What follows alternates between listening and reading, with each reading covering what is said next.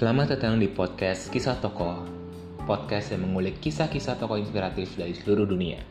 Bareng gue, William. Dan di episode kali ini, gue ingin ngebahas satu tokoh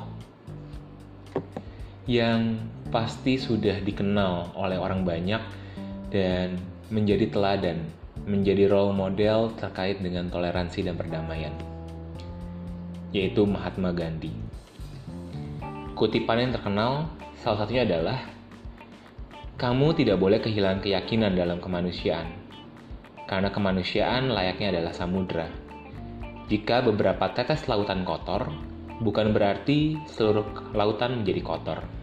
Kita harus percaya bahwa masih banyak manusia-manusia baik yang menjaga, yang melindungi, yang merawat asas kemanusiaan itu sendiri.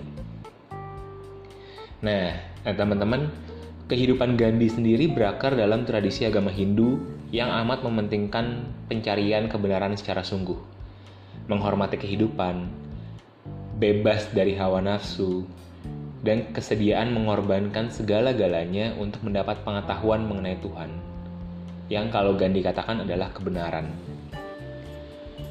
Jadi sepanjang hidupnya yang senantiasa mencari kebenaran, mencari pengetahuan akan Tuhan, Nah itu adalah tulisan kata pengantar dari Radha Krishnan dalam buku Mahatma Gandhi, autobiografinya All Men Are Brothers.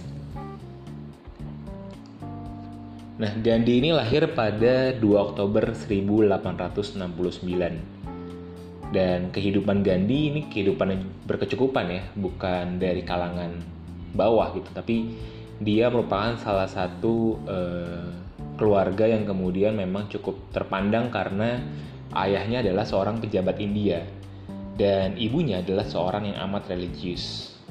Nah, ibunya inilah yang memperkenalkan Gandhi dengan ajaran-ajaran Jainisme. Sebuah agama yang amat menyarankan pemeluknya untuk tidak melakukan kekerasan dalam bentuk apa pun. Dan kayaknya ajaran inilah yang menjadi fondasi kokoh ya, bagaimana pola pikir dan ideologi Gandhi kemudian berkembang dari masa ke masa. Nah, Gandhi kecil ini dapat dikatakan ya orang-orang yang biasa-biasa aja. Prestasinya nggak menonjol, bahkan cenderung lemah di beberapa mata pelajaran, khususnya olahraga ya. Jadi ini Gandhi ini suka iri dengan teman-temannya yang kayaknya kok jago-jago banget, pinter-pinter banget, olahraganya juga keren.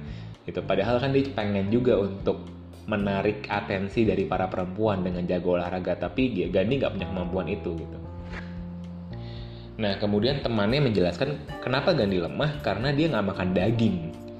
Wow mind blowing tuh untuk Gandhi kayak oke okay, jangan-jangan memang karena gue nggak makan daging ya gue jadi lemah.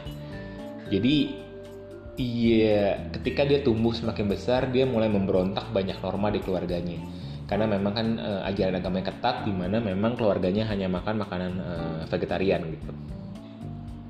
Jadi Gandhi mulai minum alkohol, makan daging, yang tentunya merupakan larangan keras dari dalam Hindu ya gitu. Um, iya sifat-sifat anak remaja lah ya yang suka untuk memberontak, rebel. Tapi sisi lain pun Gandhi juga uh, punya pemikiran yang berupaya menentang tradisi Hindu yang dianggap konservatif beberapa ya misalkan kayak sistem kasta pembatasan pergaulan dengan agama lain dan lain sebagainya jadi Gandhi kecil pun sudah mulai berteman dengan kawan-kawannya dari agama lain khususnya umat muslim dan Gandhi ketika muda itu pada usia 13 tahun masih sangat kecil masih sangat muda itu sudah dijodohkan dengan perempuan namanya Kasturba Makanji yang merupakan putri seorang pedagang. Jadi mereka langsung menikah. Ketika itu Gandhi usia 13 dan Kasturba usia 14 tahun. Jadi memang pernikahan usia dini itu masih sangat sering terjadi pada masa itu.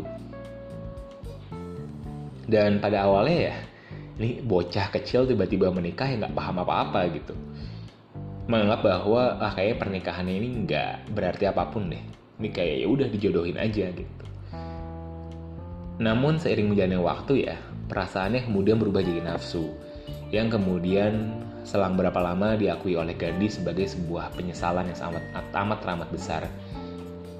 Jadi Gandhi kecil nih udah gak konsentrasi nih ketika sekolah karena pikirannya pasti terfokus pada istri barunya.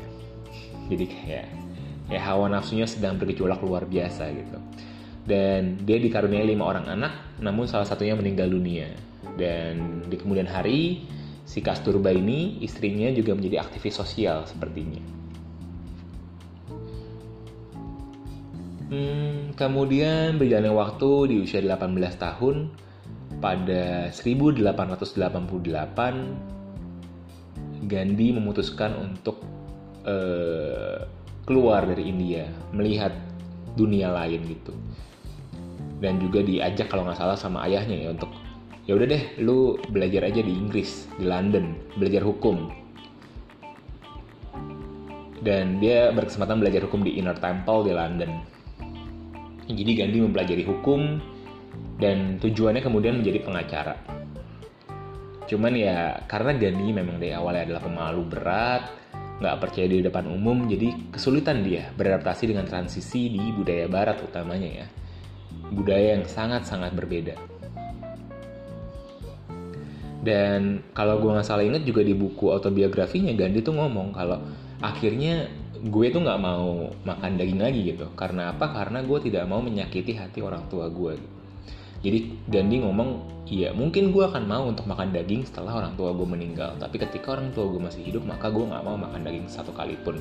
Setelah rebelnya dia di usia mudanya ya dan oleh karena itu di London Inggris tuh dia cuma makan salad sayur gitu ya nggak enak gitu karena ya Inggris kayaknya memang eh, makanan utama yang utamanya kan adalah daging ya. Jadi kayak ini benar-benar nggak enak tapi harus dimakan juga gitu. Hingga pada akhirnya dia ketemu nih sama Theosophical Society kayak sebuah gerakan vegetarian. Yang yang mengubah pola pikirnya juga yang membuat dia juga menjadi lebih berani depan umum dan semakin mendorong minatnya pada agama. Jadi karena ada satu komunitas yang mendevelop Gandhi kecil waktu itu. dan akhirnya dia selesai studinya itu pada tahun 1891 di usia 20 tahun dan jadi pengacara. Nah, setelah selesai di London, Inggris, dia kembali ke India karena dia mengetahui bahwa ibunya telah meninggal. Hmm, di awal-awal meskipun sudah mulai ya sudah mulai mampu lebih percaya diri tapi tetap aja kecanggungannya nggak hilang. Kasus pertamanya ketika dia memeriksa seorang saksi itu kabur dia, nggak sanggup. Lariin diri gitu. Dan kemudian mengembalikan uang kaliannya. Jadi sial lah dia di India. Nggak dapat pekerjaan bingung mau ngapain sampai akhirnya kemudian Gandhi memperoleh kontrak satu tahun terkait layanan hukum di Afrika Selatan. Ini yang kemudian benar-benar mengubah hidup Gandhi ya mengubah arah tujuan hidupnya. Jadi pada April 1893 dia belayar ke Duban Afrika Selatan negara bagian Natal. Dan dia menjadi pengacara untuk keponakan Dada Abdullah jadi kayak seorang saudagar muslim kenalannya yang memiliki perusahaan perkapalan di Afrika Selatan. Jadi bener-bener nih, di Afrika Selatan yang awalnya cuma pengen satu tahun, um, tiba-tiba dia jadi 21 tahun. Jadi kayak lama banget jadi tinggal di Afrika Selatan. Karena apa? Karena pengalaman-pengalaman uh, diskriminasi yang ia alami sebagai orang yang punya kulit berwarna jadi pengalaman diskriminasi pertamanya kalau gue nggak salah ingat itu ketika dia naik kereta api. Dia punya tiket kelas 1. Tapi kayak ada orang di sana yang kemudian ngomong kepada kepada petugas keretanya kalau eh ini orang harusnya nggak boleh di kelas 1 gitu. Karena kulitnya berwarna gitu. Nah akhirnya sama petugasnya disuruh Gandhi pindah ke gerbong tempat barang-barang. Gandhi otomatis marah gitu. Karena dia punya tiket resmi kan. Tapi ya, akhirnya mau apa apa boleh buat gitu. Akhirnya Gandhi diturunkan secara paksa dari kereta dan waktu itu dia sangat kedinginan ya karena kayaknya waktu itu masih lagi musim dingin dan tidak hanya itu beberapa kali juga dia mengalami kasus diskriminasi ya. Didorong oleh orang ketika di jalan dan juga pernah diminta untuk melepas serbannya gitu. dan pengalaman ini kayak mendorong suatu tujuan hidup ya. Suatu hal yang kemudian menjadi drive-nya untuk bergerak itu semangatnya untuk berjuang demi keadilan sosial melawan ketidakadilan jadi dia akhirnya ya tadi yang gue bilang mutusin tinggal sangat lama di Afrika Selatan jadi selama 21 tahun dan mulai tuh eh, kehidupannya sebagai aktivis mulai berkembang untuk berjuang melawan ketidakadilan dan mempertahankan haknya sebagai orang India. Jadi dia gelar kampanye menentang undang-undang yang membuat warga keturunan India tak memiliki hak memilih. Juga dia membentuk Kongres Warga India di Natal yang kemudian menjadi perhatian internasional karena ini Kongres tuh sangat memperhatikan perjuangan warga India di Afrika Selatan. Nah, dalam orasinya atau dalam dalam kampanyenya yang dipilih Gandhi adalah menggunakan prinsip ahimsa atau tanpa kekerasan. Ini prinsip yang kalau tadi teman-teman ingat yang diajarkan oleh orang tuanya, khususnya ibunya. Dan gaya ini dulunya dianggap gaya nyeleneh karena nggak biasa gitu. Tapi inilah yang dilakukan oleh Gandhi. Nah, long story short, tahun 1915 di usia 46 tahun Gandhi kembali ke India. Dan kala itu tuh pengaruh Gandhi sudah sedemikian kuat dan begitu luas di berbagai pelosok India. Jadi Gandhi itu sangat dikenal ya, meskipun dia eh, menghabiskan banyak waktu di Afrika Selatan. Bahkan sebagian orang menganggapnya sebagai orang suci. Dan ada empat prinsip dasar perjuangan kemerdekaan India yang sangat terkenal yang kemudian digaungkan oleh Gandhi, yaitu perlawanan tanpa kekerasan, non kooperatif, jadi nggak mau bekerja sama, tidak mau menuruti aturan dari Inggris, karena kan dulu India dijajah oleh Inggris ya, membangkang rebel, lalu pemboikotan produk monopoli dagang Inggris, dan terakhir adalah berupaya untuk membangun kemandirian ekonomi rakyat lokal. Jadi ini tuh ngebuat pemerintah Inggris sangat sebel dengan Gandhi. Ini orang kecil, kurus, tapi pengaruhnya luar biasa besar gitu, mempengaruhi banyak eh, masyarakat di India. Dan puncak kemarahan Inggris tuh tanggal 13 April 1919 tentara Inggris melakukan pembantaian terhadap 1.500 penduduk sipil yang sedang melakukan aksi damai. Nah, ternyata insiden ini membuat seluruh dunia terkejut dan mengecam aksi Inggris. Jadi kayak Inggris ini dulu dikenal sebagai negara yang paling beradab, tapi kok bisa ngelakuin pembantaian ya gitu. Jadi kayak seluruh uh, dunia internasional kemudian menyoroti Inggris, pemerintah Inggris, utamanya di India. Dan Pelan tapi pasti Gandhi kemudian menjadi figur pemimpin gerakan nasionalis India. Gitu. Jadi dia mulai masuk ke area politik dan bergabung dengan Kongres Nasional India dan menjadi pemimpin pada tahun 1920. Dan ya gerakannya namanya Satyagraha. Ini mirip-mirip ahimsa lah. Non kooperatif tanpa kekerasan tapi dan perjuangannya kemudian dilanjutkan intinya adalah untuk uh, apa ya tujuannya adalah untuk membuat Inggris tidak melakukan penjajahan lagi sih ke masyarakat India gitu meskipun ya aksi Gandhi memang tidak semudah mengembalikan tempat pelanggan ya karena banyak insiden juga yang membuat sebagian kecil dari masa tuh tersulut emosinya gitu jadi kayak masyarakat India kemudian masih berkonflik dengan pemerintah Inggris dengan dengan petugas-petugas Inggris gitu. Kayak Gandhi pun mengangkat sumpah untuk berpuasa hingga mati bila ada kekerasan sedikit saja di gerakan pembebasan India. Jadi fokusnya memang pembebasan India dari Inggris. Nah, masyarakat India yang begitu menghormati Gandhi pun akhirnya menghentikan pendekatan kekerasan dan kembali ke jalan damai. Jadi memang gaya yang sangat-sangat sering dipilih oleh Gandhi adalah untuk berpuasa hingga mati. Karena Gandhi percaya bahwa itu akan memberikan pengaruh pada orang lain dan pengaruh sosok satu ini nih benar-benar ditakuti oleh pemerintah Inggris. Dan otoritas Inggris menangkap Gandhi pada 1922 dan dianggap bersalah karena ada tiga tuduhan penghasutan, dijatuhi hukuman penjara,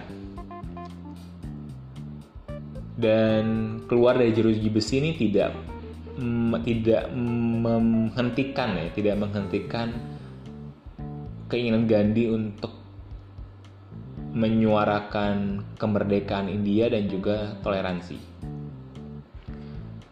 Dan pada waktu Gandhi keluar ini, selain masalah kolonialisme Inggris juga ada masalah eh, kekerasan dua kelompok agama antara Muslim dan Hindu. yang kembali, caranya gimana untuk bisa mengatasi hal tersebut? Berpuasa lagi selama tiga pekan pada tahun 1924 dan mendesak terwujudnya persatuan gitu. Um, banyak lah, banyak sekali uh, apa yang kemudian dilakukan oleh Mahatma Gandhi. Dan yang paling terkenal tahun 1930 dia memprotes undang-undang garam Inggris karena undang-undang tersebut melarang orang India mengumpulkan atau menjual garam Nah, hal ini membuat rakyat India di kemiskinan kan. Dan Gandhi pun kembali melanjutkan gerakan Satyagraha tadi, tanpa kekerasan tadi ya. Dia ngelakuin long march panjang 240 mil ke pesisir laut kota Dandi dan ini diikuti oleh puluhan ribu pengikutnya. Gila banget. Jadi dimulai pada bulan Maret, kelar pada bulan April Lalu ia tiba dan memungut garam dari pasir. Padahal itu ilegal kan, nggak boleh tuh. Karena kan orang India nggak boleh mengumpulkan garam. Dan ini sebagai bentuk protesnya dia. Jadi Gandhi berkata, ambisi saya tidak kurang adalah mengubah orang Inggris melalui non kekerasan. Dengan demikian membuat mereka melihat kesalahan yang mereka perbuat kepada India. Nah, aksi protesnya ini dikenal dengan Salt March karena bulan Maret dilakukannya dan uh, terkait dengan garamnya. Nah gerakan ini membuat heboh, kemudian kayaknya pemerintah Inggris juga sudah mulai bingung harus seperti apa, kemudian mereka menangkap 60 ribu orang India dan dipenjara termasuk Gandhi. Dan majalah Time waktu itu menyebut Gandhi sebagai Man of the Year. Gandhi sendiri dibebaskan setahun kemudian, tapi Gandhi dan pemerintah Inggris kemudian membuat kesepakatan untuk mengakhiri Salt Satyagraha ini asal orang-orang yang dipenjara kemudian dibebaskan. Gitu. Nah, pemerintah Inggris nih kayaknya mulai nyari cara nih, gimana ya caranya supaya mendekati Gandhi dengan cara yang lebih baik karena terbukti cara kekerasan tidak tidak menghentikan niat Gandhi dan justru malah membuat pemerintah Inggris malah terpojokkan. Makanya Gandhi menghadi, eh, diajak untuk menghadiri konferensi meja bundar London mengenai reformasi konstitusional India pada Agustus 1931. Sayangnya, konferensi tersebut tidak membuahkan hasil. Malah Gandhi kembali ke India dan dijebloskan lagi-lagi ke penjara pada 1932. Dan setelah pembebasannya berakhir, Gandhi kemudian, tadi kan dia sebagai pemimpin Kongres Nasional India, meninggalkan kongres tersebut dan menyerahkan kepemimpinannya kepada anak didiknya, Jawaharlal Nehru, gitu, pada usianya ke-65 tahun. Jadi dia kembali menjauh dari politik fokus pada pendidikan, kemiskinan, dan masalah yang melanda daerah-daerah pedesaan India. Nah, gerakan nasionalis ini makin memuncak ketika Perang Dunia II pecah pada 1939. Gandhi ini kembali ngobrol sama pemerintah Inggris, gimana nih kalau misalkan gue bantuin lu India bantuin lu untuk menangin perang, tapi imbalannya adalah India merdeka ya. Sayangnya tawaran Gandhi ini tolak oleh Inggris yang justru malah melakukan upaya adu domba dengan mendukung kelompok konservatif Hindu dan berbagai organisasi Muslim. Jadi kayak ya buat kekerasan antar agamanya menjadi semakin menyeruak ya. Gitu. Dan Gandhi pun karena kesal karena tidak diterima usulannya kemudian meluncurkan gerakan Quit India yang menuntut penarikan Inggris secara teratur dari India. Dan ini dilakukan pada 8 Agustus 1942. Dan gerakan Quit India ini menjadi gerakan yang paling kuat dalam sejarah perjuangan kemerdekaan India. Jadi Gandhi ini kayak Soekarno-nya lah ya kalau di Indonesia. Dan setelah negosiasi alot, Inggris akhirnya memutuskan untuk menciptakan atau memberikan kemerdekaan kepada India pada 1947 setelah Perang Dunia kelar. Uh, tapi negaranya tuh dipecah jadi dua yaitu India dan Pakistan. Nah saat itulah Gandhi merasa amat kecewa. Dan selain itu juga selain isunya terkait dengan kolonialisme Inggris sudah kelar nih kayak ya udah dikasih kemerdekaan meskipun dipecah jadi dua negara lalu masalah lain yang kemudian menjadi urusannya Gandhi adalah kekerasan berdarah antara umat Hindu dan uh, dan Muslim yang semakin heboh yang semakin parah dalam upaya untuk mengakhiri, kekerasan dia, lagi-lagi Gandhi melakukan aksi mogok makan, puasa tadi ya, dan mengunjungi kawasan-kawasan bermasalah. Jadi karena memang sudah terlalu parah kondisinya, jadi kayak ini puasa aja nggak cukup nih. Jadi Gandhi pun turun ke berbagai wilayah di India dari mulai termiskin di mana kerusuhan terjadi. Dia mengunjungi 49 desa dan cukup berhasil menjadi juru damai. Dia juga memutuskan pindah ke rumah seorang muslim paling miskin di Kalkuta, India dengan tingkat bentrokan yang paling parah dan berpuasa hingga hampir mati di sana. Gitu. Nah, keajaibannya terjadi dalam waktu kurang dari satu minggu saja setelah Gandhi melakukan puasanya itu, setelah mogok makan, bentrokan antara ribuan umat Hindu dan Muslim berhenti. Jadi kayak ini umat Hindu dan Muslim kayak mikir kali ya kayak, waduh, ini Gandhi nih mogok makan kalau meninggal gimana gitu. Karena Gandhi kan memang sangat tersohor, dianggap orang suci dan juga sangat berpengaruh ya. Aduh, udah deh, udah kita diam dulu deh, kita damai dulu deh jadi ketika Gandhi Amir meninggal karena berpuasa, Kalkuta terdiam dan setiap orang berdoa bagi perdamaian. Gitu. Jadi cara yang dilakukan Gandhi ini memang menarik ya. Mogok makan menjadi satu cara yang menurut dirinya sangat efektif. Tanpa harus melakukan kekerasan. Dan terbukti memang berhasil karena pengaruhnya yang sedemikian besar. Meskipun ya tidak semua pihak mendukung aksi perdamaian Gandhi. Jadi ini nih yang mengenaskan. Pada sore hari 30 Januari 1948, Gandhi yang kemudian berusia 78 tahun makin lemah kondisinya. Jadi mereka mau pergi ke acara pertemuan doa gitu dari rumahnya.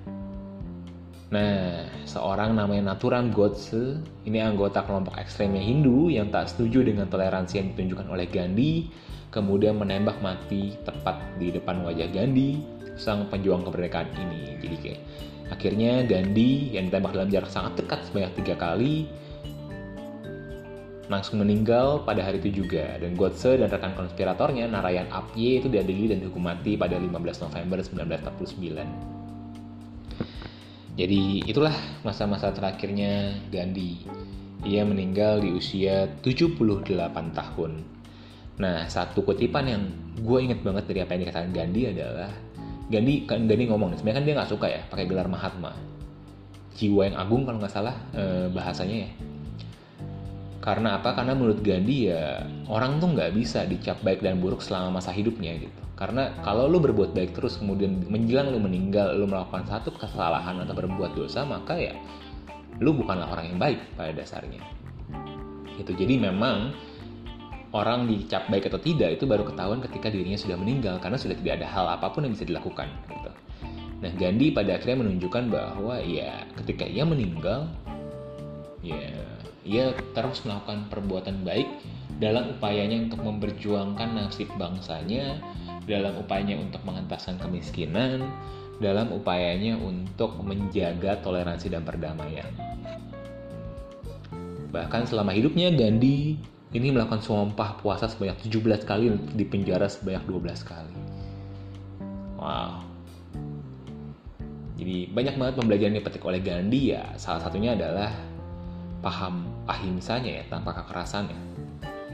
Yang dipandang sebagai jalan untuk mencapai perdamaian. Bukan dengan kekerasan. Karena dengan ada kekerasan maka iya polanya akan terus berulang lu melakukan kekerasan kepada yang lain, yang lainnya akan melakukan kekerasan balik kepada lu gitu. Nggak akan pernah kelar. Jadi paham tentang kekerasan memang sangat diagung-agungkan oleh Mahatma Gandhi. Meskipun kekerasan ini nomor dua nih. Nomor satu adalah kebenaran. Yang dianggap oleh Gandhi ini adalah jalan untuk menuju Tuhan, jalan untuk mencari Tuhan. Itu adalah kebenaran itu sendiri. Jadi kalau memang diharuskan untuk melakukan kekerasan demi memperjuangkan kebenaran, ya, ya itu harus dilakukan. Gitu. Kurang lebih itulah ideologi-ideologi atau pola pikir Gandhi. Banyak banget yang bisa dibahas sih. Tentang perempuan tentang agama dan lain sebagainya. Tapi kurang lebih semoga apa yang kemudian menjadi bahasan episode kali ini bisa menggambarkan sekilas tentang siapa sosok Gandhi dan bagaimana perannya yang luar biasa sebagai perjuang kemerdekaan dan perjuang perdamaian gitu kalau gitu Gue William, thank you sudah mendengarkan. See you next time. Goodbye.